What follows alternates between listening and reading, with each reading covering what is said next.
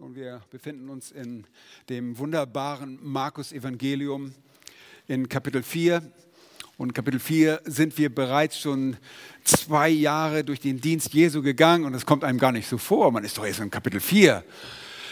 Nun, Markus ist ein sehr schnelllebiges, ein sehr schnell, zügig vorangehender Evangelist, der das Evangelium schreibt von Jesus Christus. Und er sagt zu Beginn seines Evangeliums, dass es das Evangelium von Jesus Christus, dem Sohn Gottes wäre, und zwar der Anfang davon. Und wir haben uns dieses Evangelium schon angeschaut und haben festgestellt, dass in der Tat das, was wir gesungen haben, auch stimmt. Der Sohn hatte den Thron verlassen, er ist auf die Erde gekommen. Und äh, Markus, Johannes Markus richtet sein Augenmerk auf den Sohn Gottes. Nach einer kurzen Einleitung in Kapitel 1 über den Vorläufer des Herrn, den Täufer, kommt er sofort auf Jesus zu sprechen. Er kommt sofort auf den wesentlichen Dienst des Herrn Jesus zu sprechen. Und äh, ich betone das immer wieder und werde das heute noch mehrmals wiederholen. Er ist gekommen, um zu verkündigen und zu lehren. Er kam, um zu verkündigen und zu lehren, damit wir auch verstehen, was sein Tod bedeuten würde. Er kam natürlich, um auch zu sterben. Das Lukas-Evangelium, Kapitel 19, Vers 10 macht das sehr deutlich. Der Menschensohn ist gekommen, zu suchen und selig zu machen, was verloren ist. Sein Ziel lag in dem Tod und durch seinen Tod Leben zu schaffen. Ein scheinbares Paradoxon, aber Jesus nahm die Schuld am Kreuz auf sich, die uns hätte treffen müssen. Und so haben wir uns kurz dieses Evangelium angeschaut. Wir haben gesehen, was Jesus tat, um zu bestätigen, dass er in der Tat der Sohn Gottes war und ist, denn er ist es ja immer noch. Er kam, er lehrte das Evangelium vom Reich Gottes und er bewies, dass er der Sohn Gottes war, in dem, was er tat. Niemand konnte solche Zeichen tun, die er tat. Das mussten sogar neidlos die Schriftgelehrten anerkennen. Und ein Nikodemus drückt das in Johannes 3 aus, dass er sagte, wir wissen, dass du von Gott bist, denn niemand kann solche Dinge tun, es sei denn Gott mit ihm. Nun, wir haben gesehen, dass er Macht hatte über Krankheiten. Wir haben gleich zu Anfang gesehen, dass er Macht über den Satan hatte. In der Versuchung bestand er gegen den Satan. Wir haben seine Macht gegen seine, die Lakaien des Satans gesehen, seine Dämonen. Und immer wieder sehen wir die Stärke und Macht, die nur Gott besitzt. Wir haben ihn gesehen in Kapitel 2, wie er die Sünden vergibt und die religiösen Leiter des Landes ihnen das ankreideten in ihrem Herzen und dachten, wer kann Sünden vergeben als nur Gott? Und sie hatten recht, nur Gott kann Sünden vergeben, aber sie verkannten die Tatsache, dass er Gott ist. Und so sehen wir ab Kapitel 2 einen zunehmenden Widerstand und wir haben uns auch das angesehen, wie der zu, der, dieser Widerstand Jesus gegenüber seiner Botschaft und seinen Werken besonders von der geistlichen Elite des Landes den Schriftgelehrten, Pharisäern gegen Jesus hervorgebracht wird, sie nimmt zu.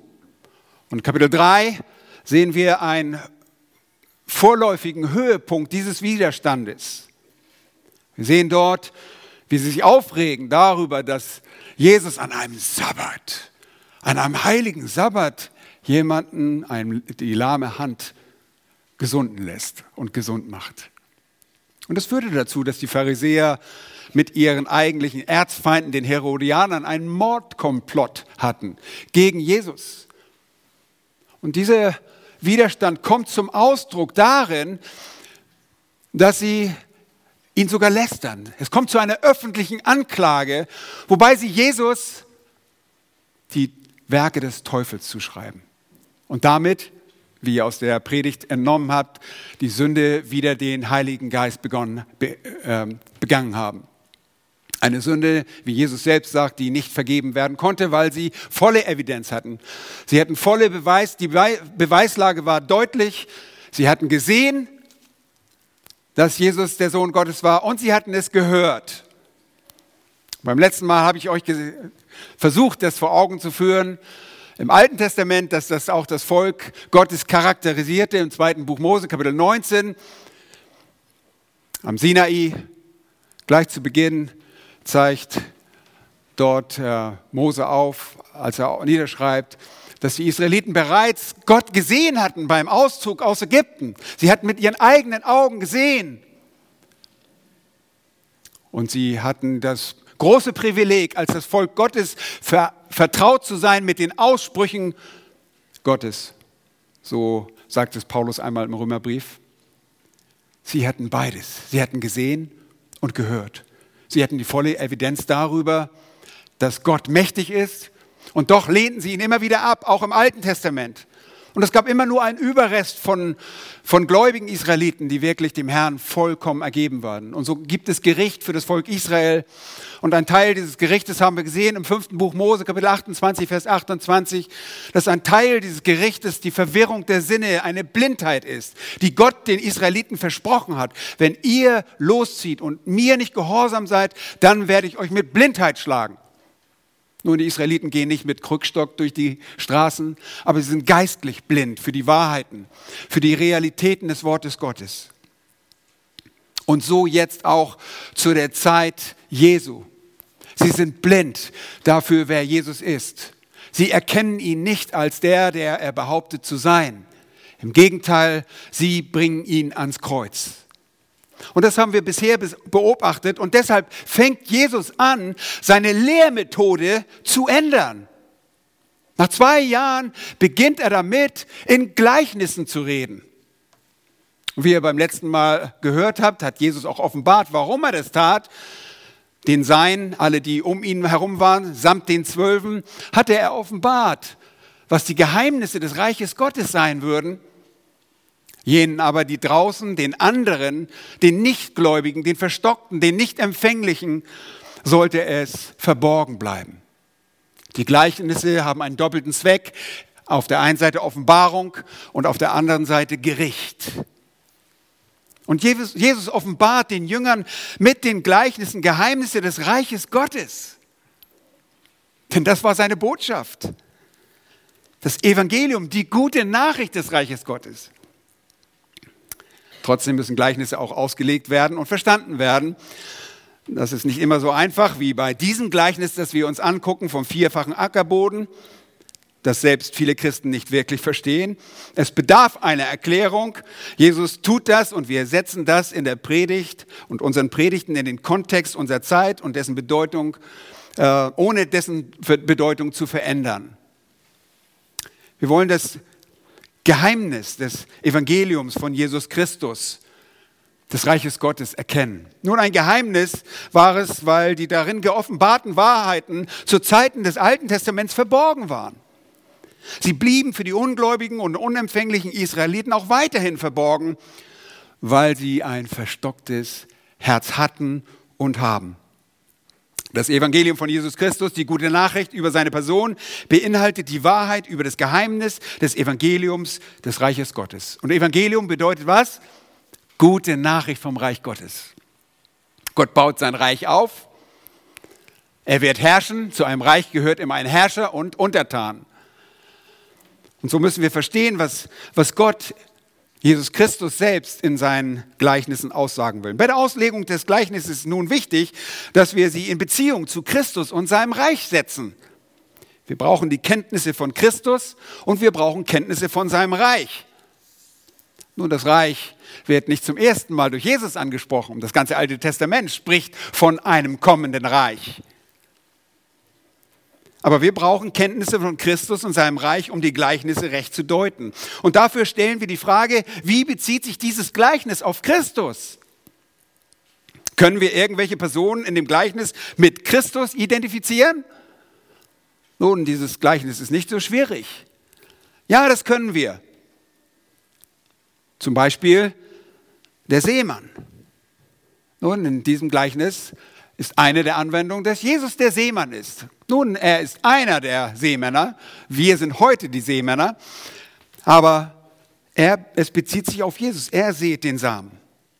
Nun bezieht sich das Gleichnis auf Christi Worte und seine Lehre? Ja. Es geht um das Wort Gottes, das Wort des Christus, wie es in Kolosser 3, 16 heißt. Lasst das Wort Christus, des Christus reichlich in euch wohnen, sagt er dort, der Paulus. Bezieht sich das Gleichnis auf den Auftrag des Christus? Ja. Auch das in zweifacher Weise. Zum einen den Auftrag, den Christus selbst erfüllt und das Wort Gottes sät. Und einen Auftrag vom Vater. Und zum anderen der Auftrag, den er später erteilt, wenn er seinen Jüngern befiehlt, dasselbe zu tun. Nun, wie bezieht sich das Gleichnis auf das Reich Gottes? Wir lesen in Markus Kapitel 4, Vers 11, dass Jesus zu den empfangsbereiten Jüngern sprach. Übrigens sagte er nicht nur die zwölf Jünger, sondern die empfangsbereiten Lerner, die um ihn herum waren, samt den Zwölfen. Er sagt, euch ist es gegeben, das Geheimnis des Reiches Gottes zu erkennen. Denen aber, die draußen sind, wird alles in Gleichnissen zuteil. Nicht jedes Gleichnis macht das so unmissverständlich deutlich, worum es geht. Bei Gleichnissen fragen wir uns deshalb, wie bezieht sich ein Gleichnis auf Christus? Und zweitens, wie bezieht sich das, Betracht, das zu betrachtende Gleichnis auf das Reich Gottes? Jesus predigt dieses Reich auch in Markus, um zu zeigen, dass dieses Reich in einer Hinsicht bereits gekommen und in anderer Hinsicht dass es noch zukünftig war. Wir müssen Kenntnisse über das Reich Gottes haben. Nun, zwei Dinge. Wir müssen das Reich Gottes kennen in der einen Hinsicht, dass es bereits gekommen ist in einer Form, wir sagen manchmal in einer Art mystischen Form, aber es ist bereits da, denn Jesus regiert. Und wir als seine Untertanen gehören zu seinem Reich, zu seiner Herrschaft. Aber es hat eine zweite Bedeutung, eine eskatologische Bedeutung, eine zukünftige. In der Zukunft wird Jesus ein Reich aufbauen, in der sichtbar auf dieser Erde zunächst und dann in Ewigkeit herrschen wird. Nun, wir müssen uns diese Beziehungsfragen stellen. Wie bezieht sich das auf das Reich Gottes? Wie wie sehen, wo sehen wir Christus, wo sehen wir das Reich Gottes in den Gleichnissen? Auch wenn wir diese Beziehungsfragen stellen, so ist es nicht wegzudenken, dass wir exegetisch an den Text herangehen. Wir betrachten die Worte des Gleichnisses nicht isoliert, sondern im Kontext, so wie wir sie miteinander in Beziehung äh, sehen, stehen sehen. Und das ist grammatisch gesprochen zunächst einmal den Syntax. Schauen wir uns an wie Worte in einem Satzgefüge zueinander stehen und betrachten, wie diese Bedeutung dieser Satzgefüge in ihrem Zusammenhang dann stehen. Wir verstehen, dass eine Erzählung vor uns ist und dass es in dieser Erzählung eine sinnliche Wahrheit gibt, die sich auf eine übersinnliche, geistliche und übernatürliche bezieht. Auf Wahrheiten, die übernatürlich sind, beziehen. Um die sinnliche und oft physische Wahrheit oder Erzählung recht zu verarbeiten und richtig zu verstehen, müssen wir auch historisch denken, beziehungsweise kulturell. Das leuchtet uns allen ein. Wir müssen das Gleichnis vom Seemann in seinem kulturellen Hintergrund betrachten.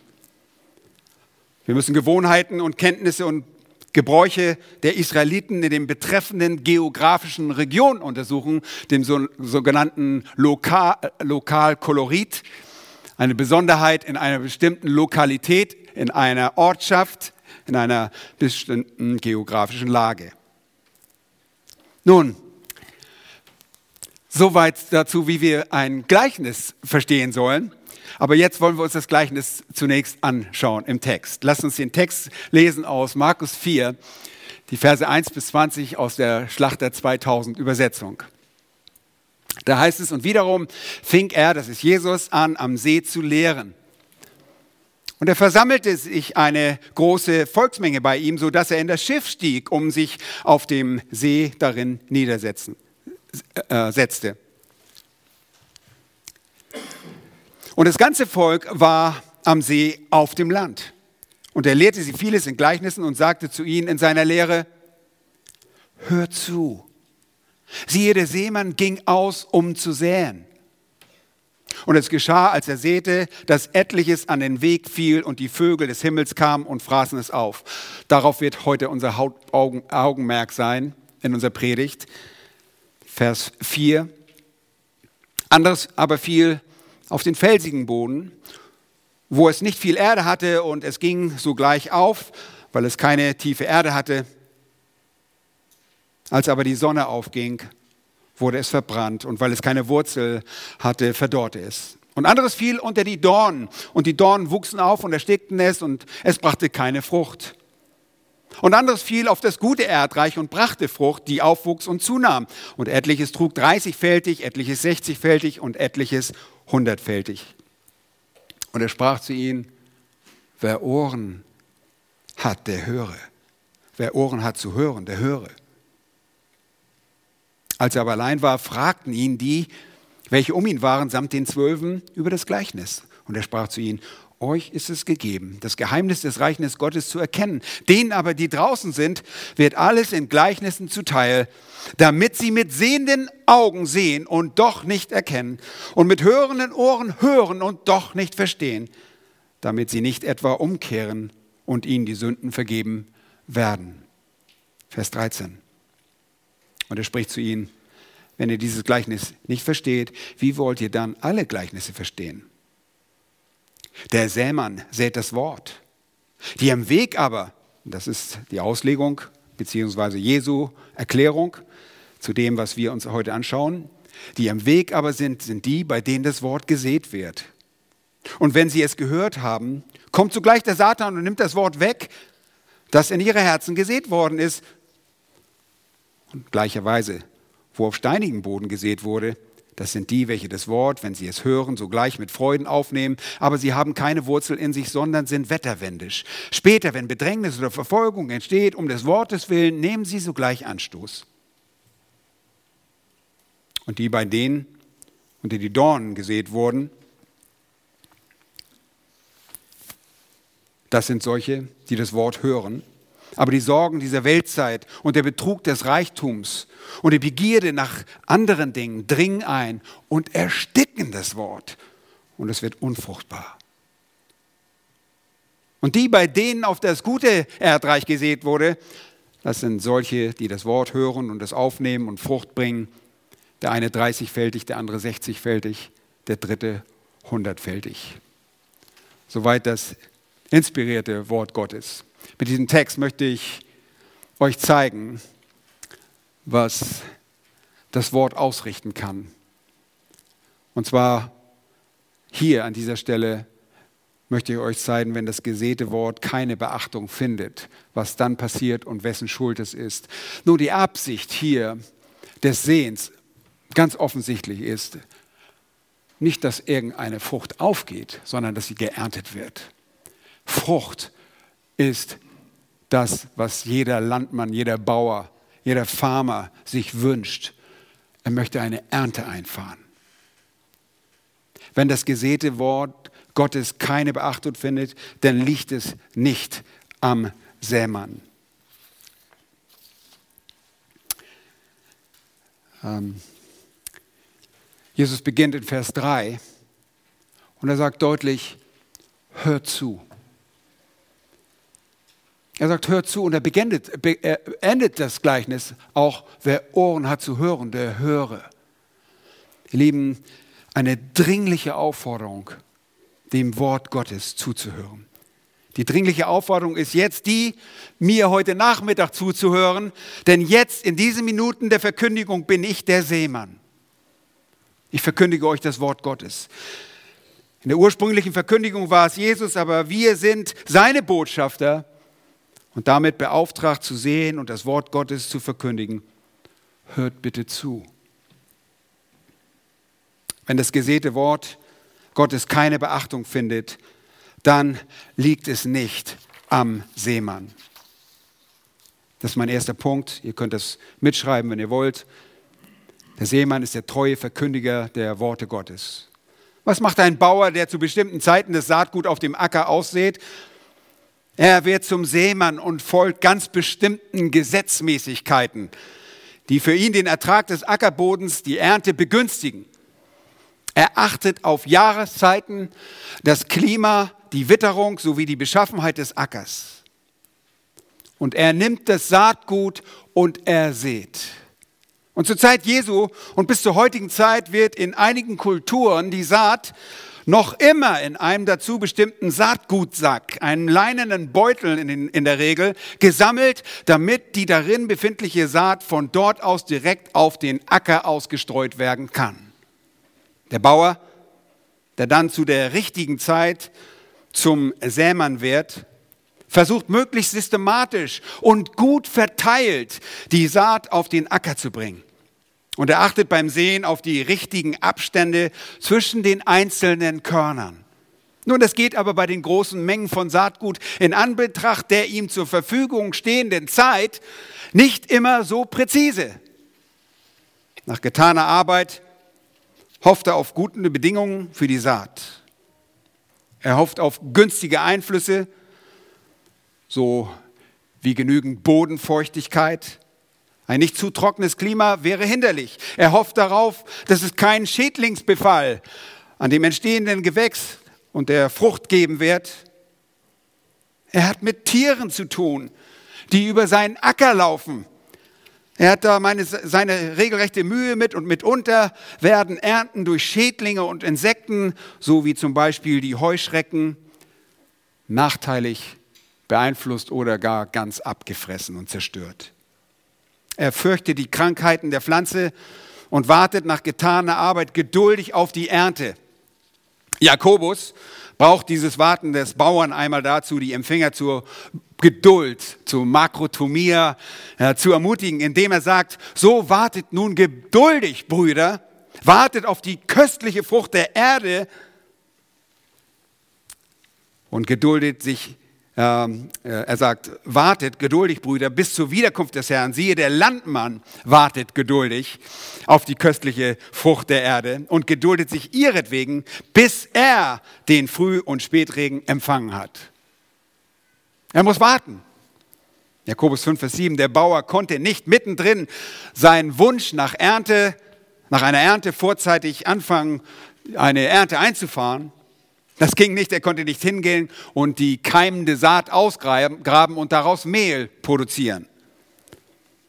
Auf den Ertrag der Ernte hat er selbst nur wenig Einfluss. Äußere Faktoren spielten für die Ernte wirklich eine gewichtige Rolle. So wie der Text es in Jakobus sagt, so musste er auch auf klimatische Einflüsse hoffen. Er musste auf den Früh- und auf den Spätregen in Israel warten. Und der Seemann steht hier in unserer Erzählung gar nicht im Vordergrund. Es geht nicht so sehr um diesen Seemann. Der Seemann, das Hauptaugenmerk in dieser Geschichte ist nicht auf ihn gerichtet, sondern auf die Frucht, die diese Seen hervorbringen soll. Leider denken heutzutage Redner, dass das Problem der geistlichen Erträge das Gemeindewachstum an der Erscheinung des Seemanns liege. Er sei nicht angemessen gekleidet, so sagt man, mit seiner Krawatte und im Anzug gekleidet, einfach nicht hip genug. Er sei dem Zeitgang zu fremd, ist nicht auf dem Laufenden, was die Mode und den Musikstil anbetrifft und hat nicht das richtige Vehikel der Kommunikation getroffen. Schließlich muss man doch ein Mann von Instagram und Facebook sein, um auch so viele Freunde zu erreichen. Man glaubt, dass die Predigten von einer Kanzel nicht mehr zeitgemäß seien. Gefragt sei Drama, Pantomime, Sharing, Sharing oder Austausch auf einer gemütlichen Couch in den öffentlichen Versammlungsräumen, wo sich jeder so richtig gemütlich hinlimmeln kann. Man glaubt, dass die Predigten von einer Kanzel nicht zeitgemäß sein. Und das Vehikel der Kommunikation kann doch nicht eine altbackene Predigt sein. Sollte man das Ganze vom Gott her herum nicht ein wenig aufpeppen, vielleicht mit einer Tanzgruppe? Wie sage ich immer so schön, ist kein Problem, die Gemeinde voll zu machen. Lasst uns doch mal ab ein paar christliche Bauchtänzerinnen einladen, dann wird die Gemeinde voll. Aber wir sind einfach zu konservativ. Wie wäre es mit ein bisschen attraktiver Musik, dass die Gemeinde mitrocken kann, damit wir so richtig in Gang kommen? Oder damit die Seelen der Zuhörer vorher ein bisschen weich massiert werden? Diese Fragen sind für den Text nicht relevant. Der Seemann in seinem Tun steht nicht zur Debatte. An ihm wird kein Fehl gefunden, selbst wenn er bei breitflächigen Streuung der Saat einiges vom Saatgut auf den See, auf den Weg gerät, kann dem Bauern bei seiner Funktion des Sehens nichts angehängt werden. Das ist nicht das Anliegen hier. Hier wird eine Realität dargestellt, denn so geschieht es in der Wirklichkeit. Die Felder im alten Israel und in vielen anderen Kulturen und Ländern auch waren und sind bis zum heutigen Tag häufig mit schmalen Wegen versehen. Diese sind freigegeben für den Durchgang und so gab es eben diesen Weg auch in der Erzählung Jesu. In der Regel sind es kleine, schmale Fußwege ohne viel Verzweigung, keine Autobahn, die Erde auf einem solchen Weg, und ich finde den Ausdruck eigentlich Trampelfahrt passt hier sehr gut, fiel ein Teil der Saat. Die Erde auf einem solchen Weg ist komprimiert worden. Sie ist durch das Körpergewicht der Menschen verdichtet. Trampeln ist ein verstärkter Ausdruck von Treten. Die Füße der vielen, die diesen Weg betreten hatten, verfestigten das Erdreich, das diesen Weg ausmachte. Der bei der Saat ausgeworbene Same konnte so nicht in den Boden eindringen. Nun lass mich ein bisschen von den damaligen Geflogenheiten mit Bezug auf die Gewinnung von Nahrung in der Agrarwirtschaft erzählen. Dieses Gleichnis soll euch lebendig vor Augen stehen und gewisse Prozesse können wir als Stadtmenschen sowieso besser verstehen, wenn man sich mit den lokalen Begebenheiten und Methoden der Bauern von damals vertraut macht. In Israel, da streiten sich die Gelehrten ein wenig, wurde nicht vor, sondern nach dem Sehen gepflügt. Fakt ist wohl, dass beides geschah, sowohl als auch vor, als auch nach dem Sehen. Fakt ist, dass beides geschieht. Die Vorbereitung des Bodens einerseits und das Einackern der Saat andererseits durch das Pflügen. Es war das Anliegen des Bauern, nach dem Sehen den Samen mit Erde zu bedecken, um die Austrocknung, um ihn vor der Austrocknung und anderen für den Samen negativen und äußerlichen Einflüssen zu schützen. Außerdem ist eine Umgebung von nährstoffhaltigem Boden für den Samen Bedingung, damit er erfolgreich keimen kann. Okay, alles klar. Jetzt wissen wir es auch von Wikipedia. Um die Erde vorzubereiten, wurde gepflügt und sicherlich kam auch hin und wieder dann eine Egge zum Aussatz. Eine Egge? Was ist das denn? Gut, das, die Egge ist ein Gerät, eine, ist eine landwirtschaftliche Bodenbearbeitungsmaschine mit Zinken, wahrscheinlich zu der Zeit noch aus Holz, die dann über den Boden hinweg bewegt wird, um die Erde zu zerbröckeln. Wenn der Flug zum, bei seinem ersten Einsatz zunächst das harte Erdreich aufbricht, dann entstehen zunächst einmal größere Erdschollen. Ihr wisst vielleicht, was Eisschollen sind, aber das sind Erdschollen. Die sind größer, die wiederum durch den Einsatz einer Egge zerbröckelt werden müssen, um den Boden feiner zu machen. Durch die Zerkleinerung wird der Boden optimiert. Zum Beispiel wird der Boden mit der Austrocknung äh, mit der Auflockerung, Entschuldigung, der Boden wird mit der Auflockerung, den Zerbröckeln, vor dem Austrocknen geschützt. Wie denn das?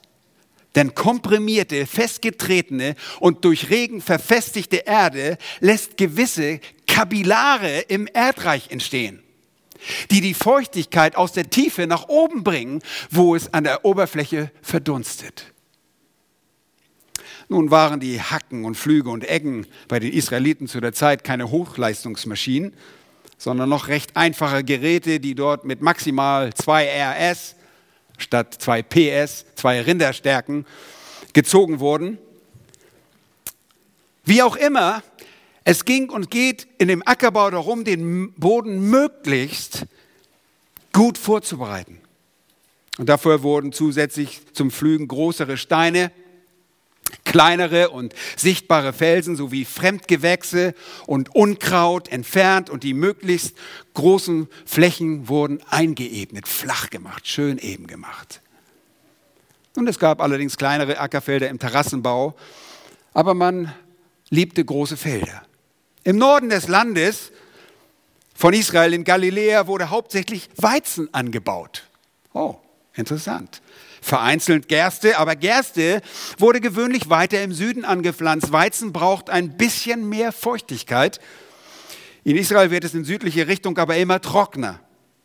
Der Weizen wuchs und wächst besonders gut in der fruchtbaren Ebene der sogenannten Jesreel-Ebene, einem größeren Gebiet südwestlich vom See Galiläa, auf dem aufgrund der Ebenerdigkeit auch gerne was gemacht wurde? Gekämpft. Das heißt, es war eine Gegend, in der militärische Schlachten stattfanden. Nun, was steht das zur Sache? Nun, ich möchte euch ein bisschen Hintergrundinformationen geben. Dort auf, in der Jesrael-Ebene wurde auch sehr viel gepflanzt. Und deshalb möchte ich euch, dass ihr von einem kriegerischen Beispiel einmal lest in dem Buch Richter. Schlagt bitte eure Bibeln auf in Richter Kapitel 6 und dort die Verse 33 und 34 euch anschaut.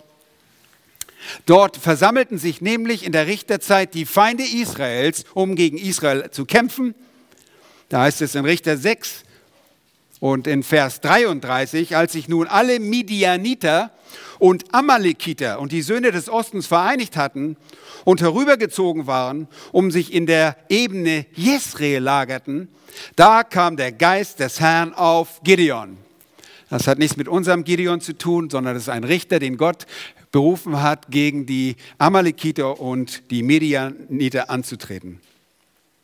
Ich belehre euch ein wenig, weil das für euer Verständnis des Wortes Gottes immer hilfreich ist, möglichst viel über die örtlichen Bedingungen und Hintergrund Auskunft zu haben. Bei der Auslegung ist immer, wie ich schon sagte, der Lokalkolorit wichtig. Wie sah diese Feindschaft zu Israel aus? Bitte lest ab Vers 1. Richter 6, Vers 1. Und die Kinder Israel taten, was böse war in den Augen Jahwes, nichts Neues. Und Jahwe gab sie sieben Jahre in die Hand Midians. Und die Hand Midians wurde stark über Israel. Vor Midian richteten sich die Kinder Israels die Klüfte zu, die in den Bergen sind und die Höhlen und die Bergfestungen. Die verkriechen sich. Die verkriechen sich in die Höhlen, weil sie Angst vor ihren Feinden haben. Und es geschah in Vers 3, wenn Israel gesät hatte. Oh, hier hören wir es vom Sehen. Wenn sie gesägt hatte, so zogen Midian und Amalek und die Söhne des Ostens herauf. Sie zogen herauf gegen sie und sie lagert sich gegen sie und verdarben den Ertrag des Landes bis zu Gaza, bis nach Gaza. Das ist der Gazastreifen, Palästinenser heute, ähm, damals die Philister. Und sie ließen keine Lebensmittel in Israel übrig, weder Kleinvieh noch Rind noch Esel. Denn sie zogen herauf mit ihren Herden und mit ihren Zelten. Sie kamen wie die Heuschrecken an Menge. Und sie und ihre Kamele waren ohne Zahl. Und sie kamen in das Land, um es zu verderben. Und Israel verarmte sehr wegen Midian. Und die Kinder Israel schrien zu Jahwe. Für den Israeliten war das Sehen von großer Bedeutung. Und ein Ausbleiben der Ernte und das zusätzliche Töten von ihrem Vieh war einfach nur tragisch und führte zu ihrer Verarmung, zu Hunger. In unserer Vergleichsgeschichte haben wir einen erfolgreichen Landmann. Ich habe euch gesagt, die äußeren Umstände sind wichtig, dass die Ernte was wert. Aber hier sehen wir, es gab sogar noch Feinde. Nun gab es endlich mal eine schöne Ernte und dann kommen die Feinde und verderben es.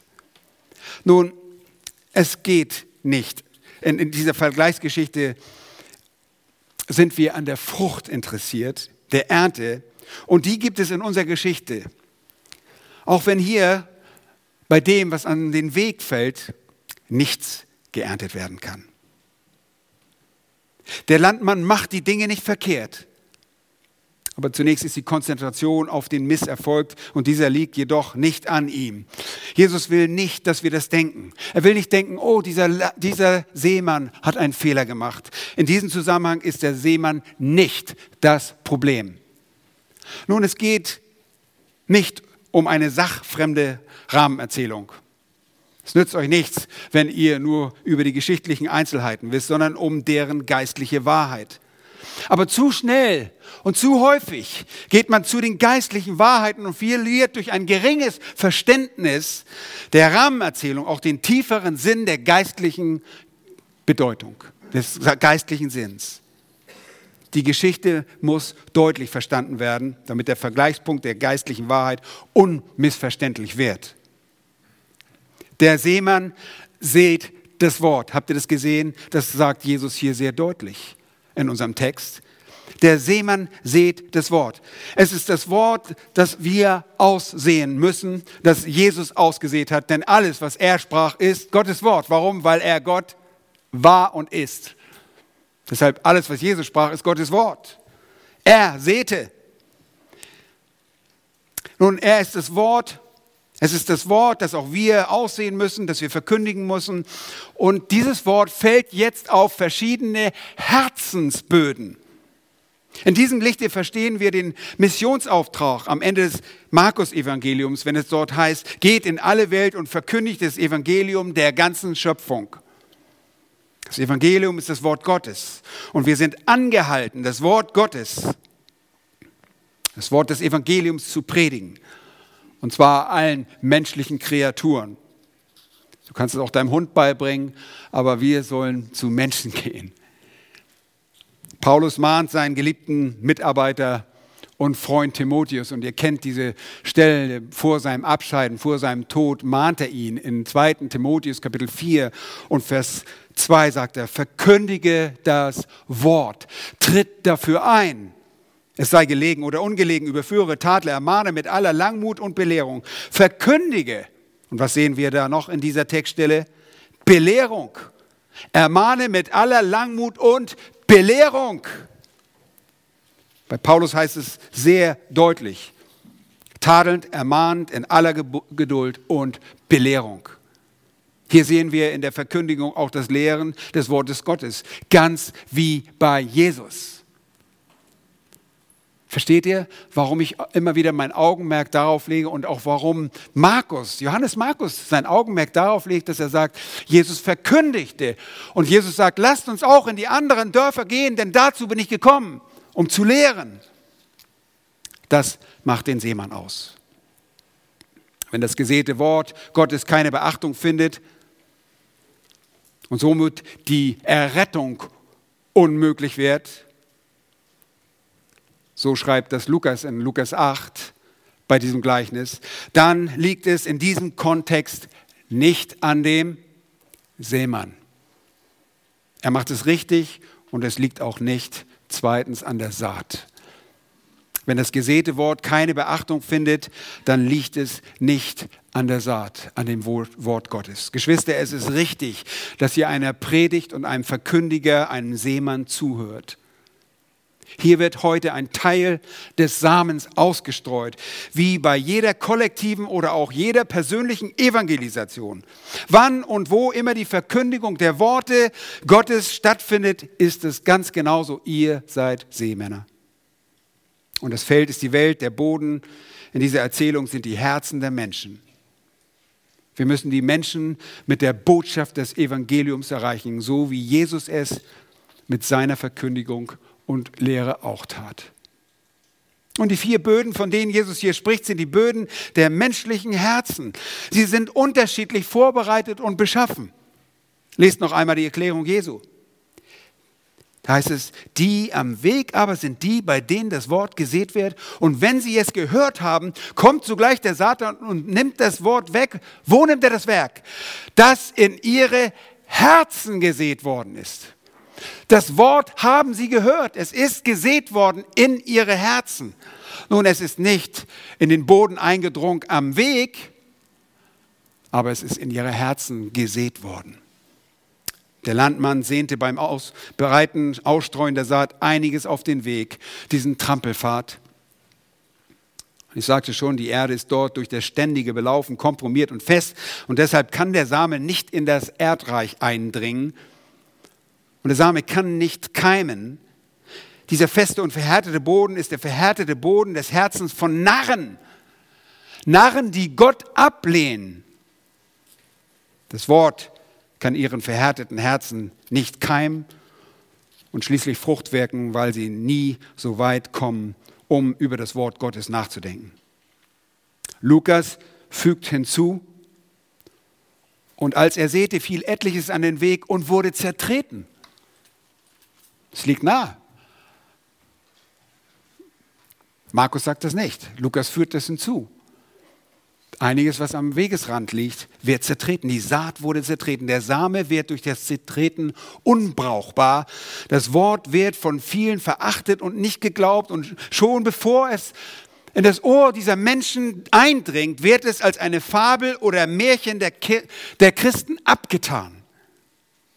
Lieben, welch eine Trauer, dass Menschen dem Wort nicht zuhören und stattdessen gedankenlos durch ihr Leben hinweg vegetieren. Und wenn sie es gehört haben, keine Minute darüber verschwenden, darüber nachzudenken, was sie gehört haben. Und das Wort dringt wohl in ihr Herz, aber es bringt nicht die gewünschten Ergebnisse. Es gibt keine Reaktion. Und das Keim allein reicht auch nicht aus.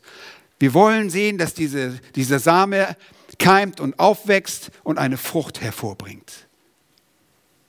Satan, der hier mit den Vögeln verglichen wird, ist derjenige, der die Saat entfernt. Die Vögel, die die offenliegende Saat, die zertrampelte Fra Saat fressen. Aus, vorbei. Die Saat ist weg, sie kann nicht mehr gedeihen. Keine Wirkung. Ihr Lieben, so ist, wenn wir wohl akustisch hören, aber geistlich nicht über das Wort Gottes nachdenken.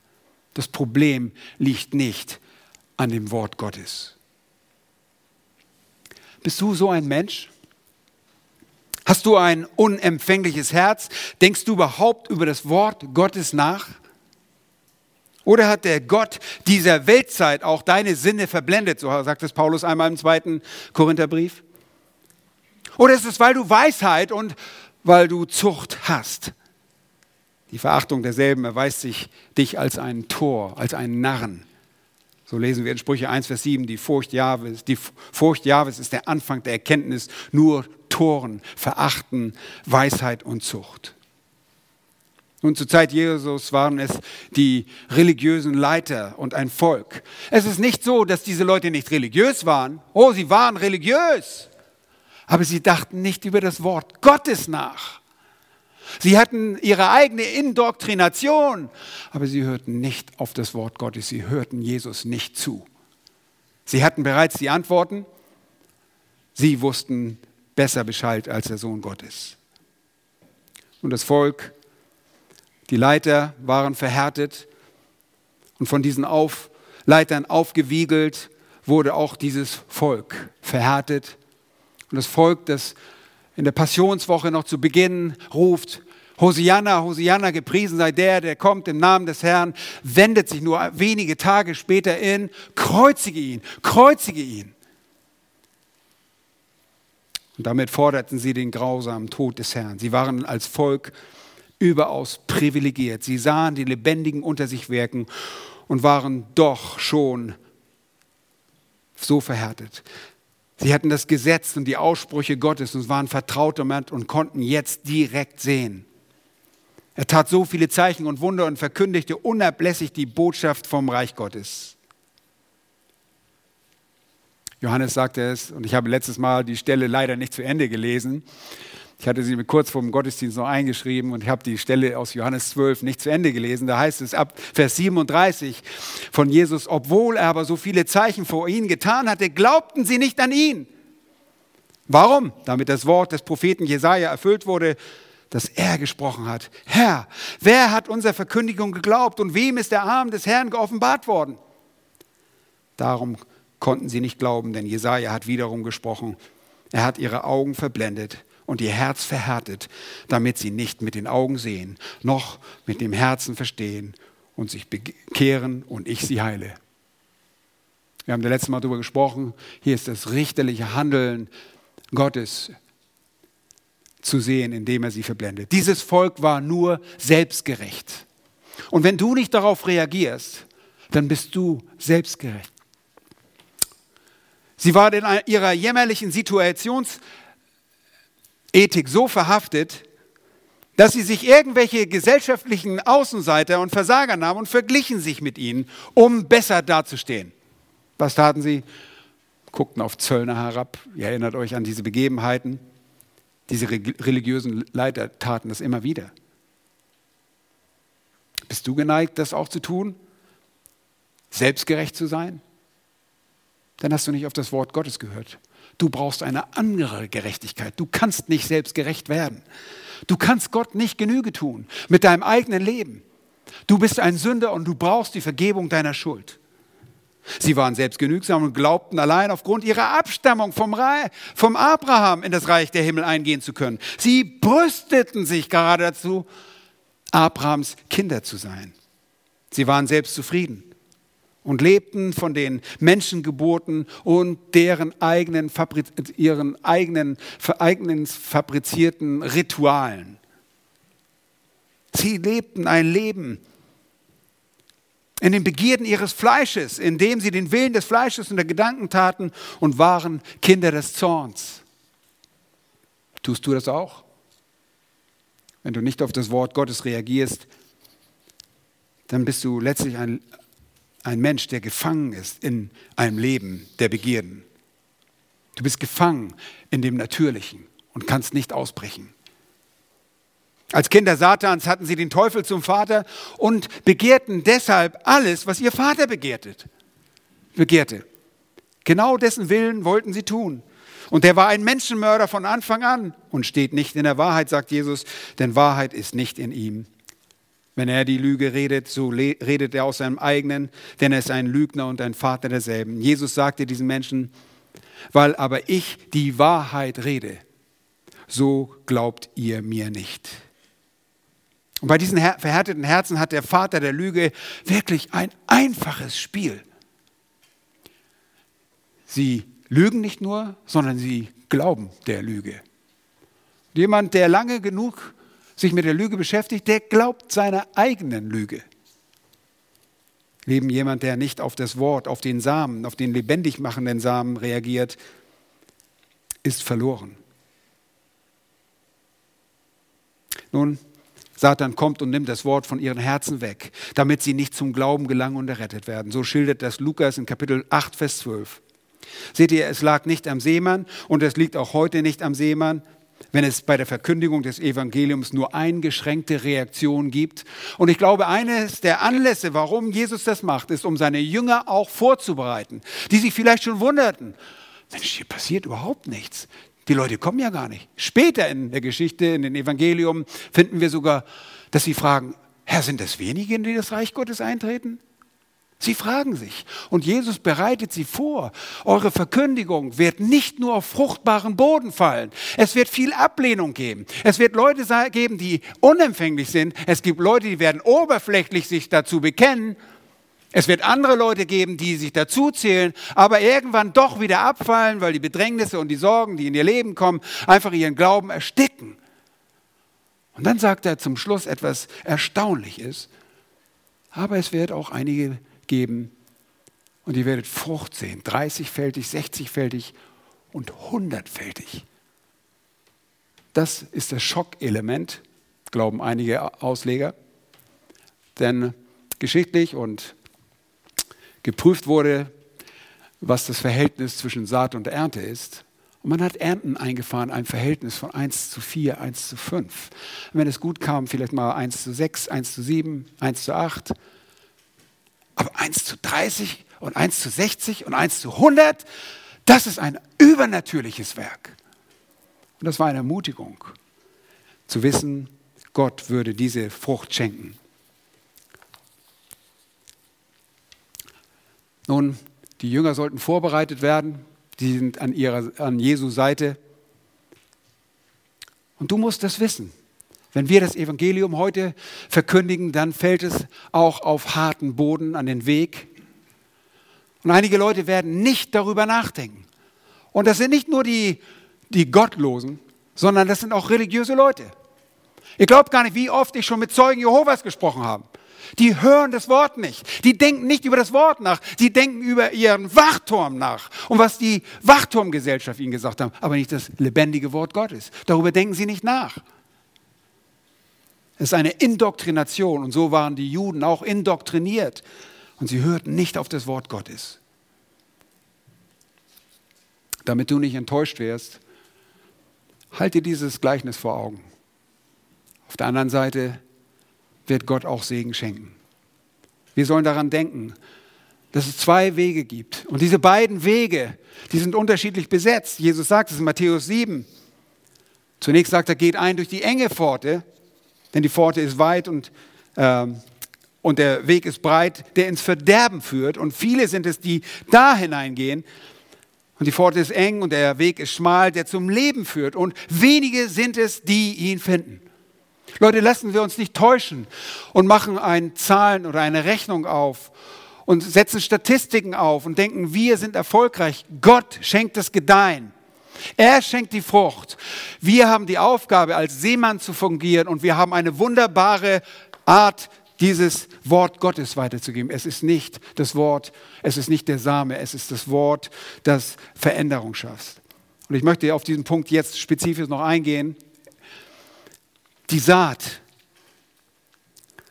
Wenn das gesäte Wort keine Beachtung findet, dann liegt es nicht am Saatgut. Ich möchte spezifisch jetzt nochmal drauf eingehen. Es liegt nicht am Saatgut, denn es ist das vollkommene Wort Gottes. Nochmals Vers 14, der Seemann seht das Wort. Ihr Lieben, die Saat ist das Wort Gottes, ist der Same Gottes, der das Leben hervorbringt, und zwar das geistliche Leben. Ohne das gesäte Wort keine Frucht, keine Ernte.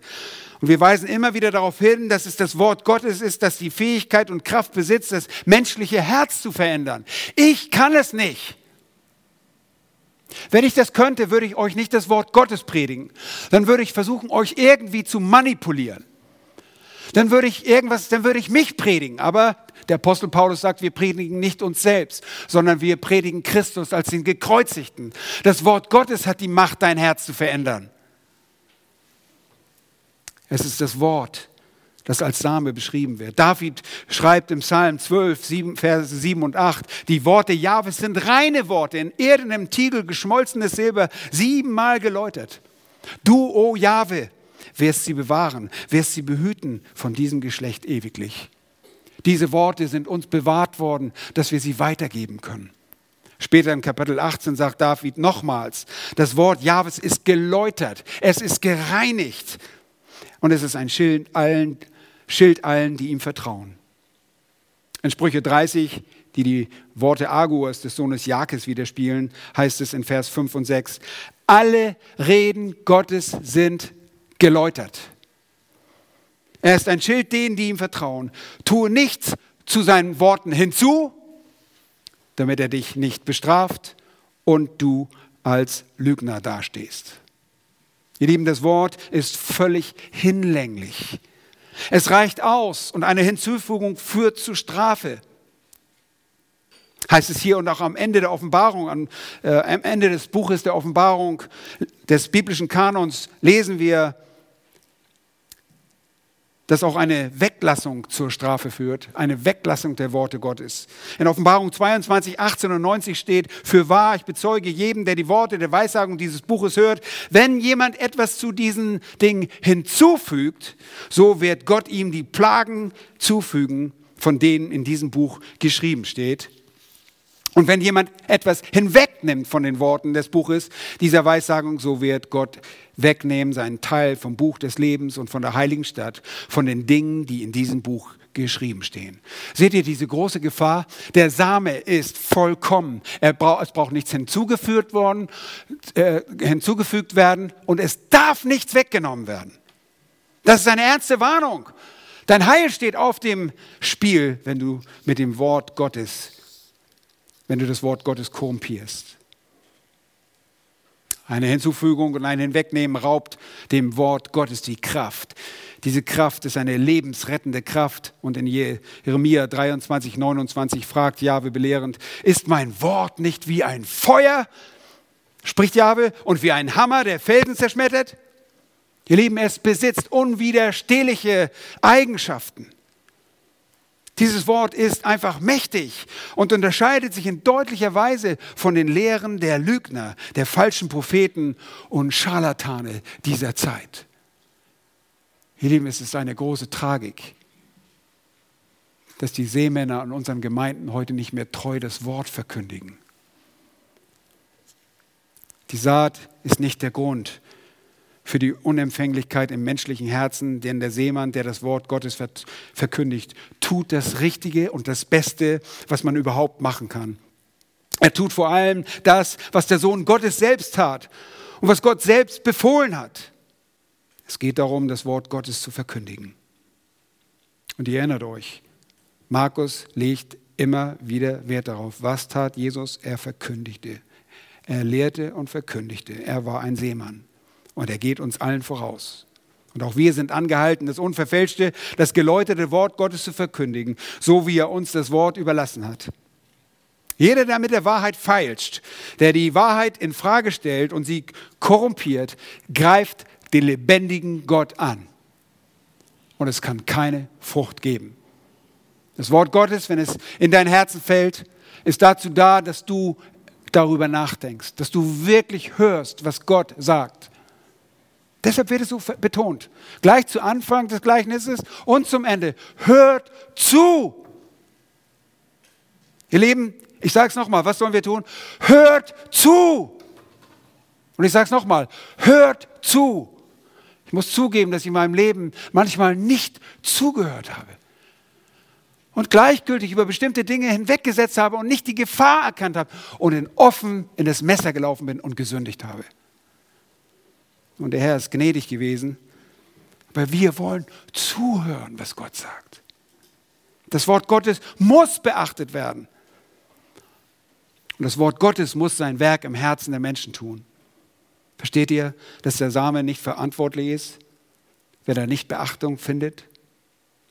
Petrus in seinem ersten Brief in Kapitel 1, Vers 23 spricht zu den Gläubigen und sagt, ihr seid wiedergeboren nicht aus unvergänglichen, sondern aus, un, aus vergänglichen, Entschuldigung, nicht aus vergänglichen, sondern aus unvergänglichem Samen.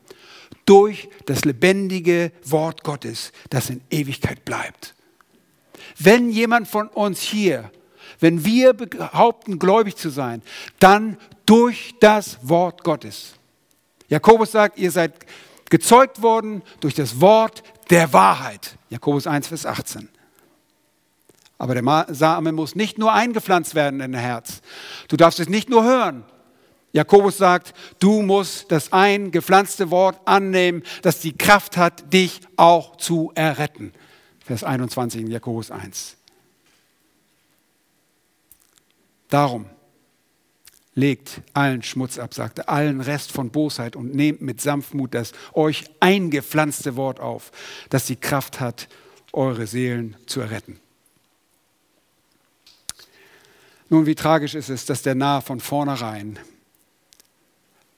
den Gott, der ihn so freundlich behandelt, der ihm so freundlich begegnet, von vornherein ausklammert. Und in seinem Herzen spricht, es gibt keinen Gott. Das ist ein Narr, sagt uns Psalm 14, einer der Psalmen, der das sagt. Deshalb nimm auch du das eingepflanzte Wort wenn du es nicht getan hast, nimm dieses Wort an, denn es hat die Macht, dich zu erretten. Und zweitens, es hat die Macht, dich zu verändern.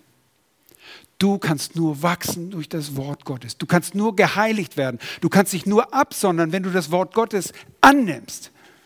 Du kannst dir Vorsätze fassen, dass du dein eigenes Leben ändern willst.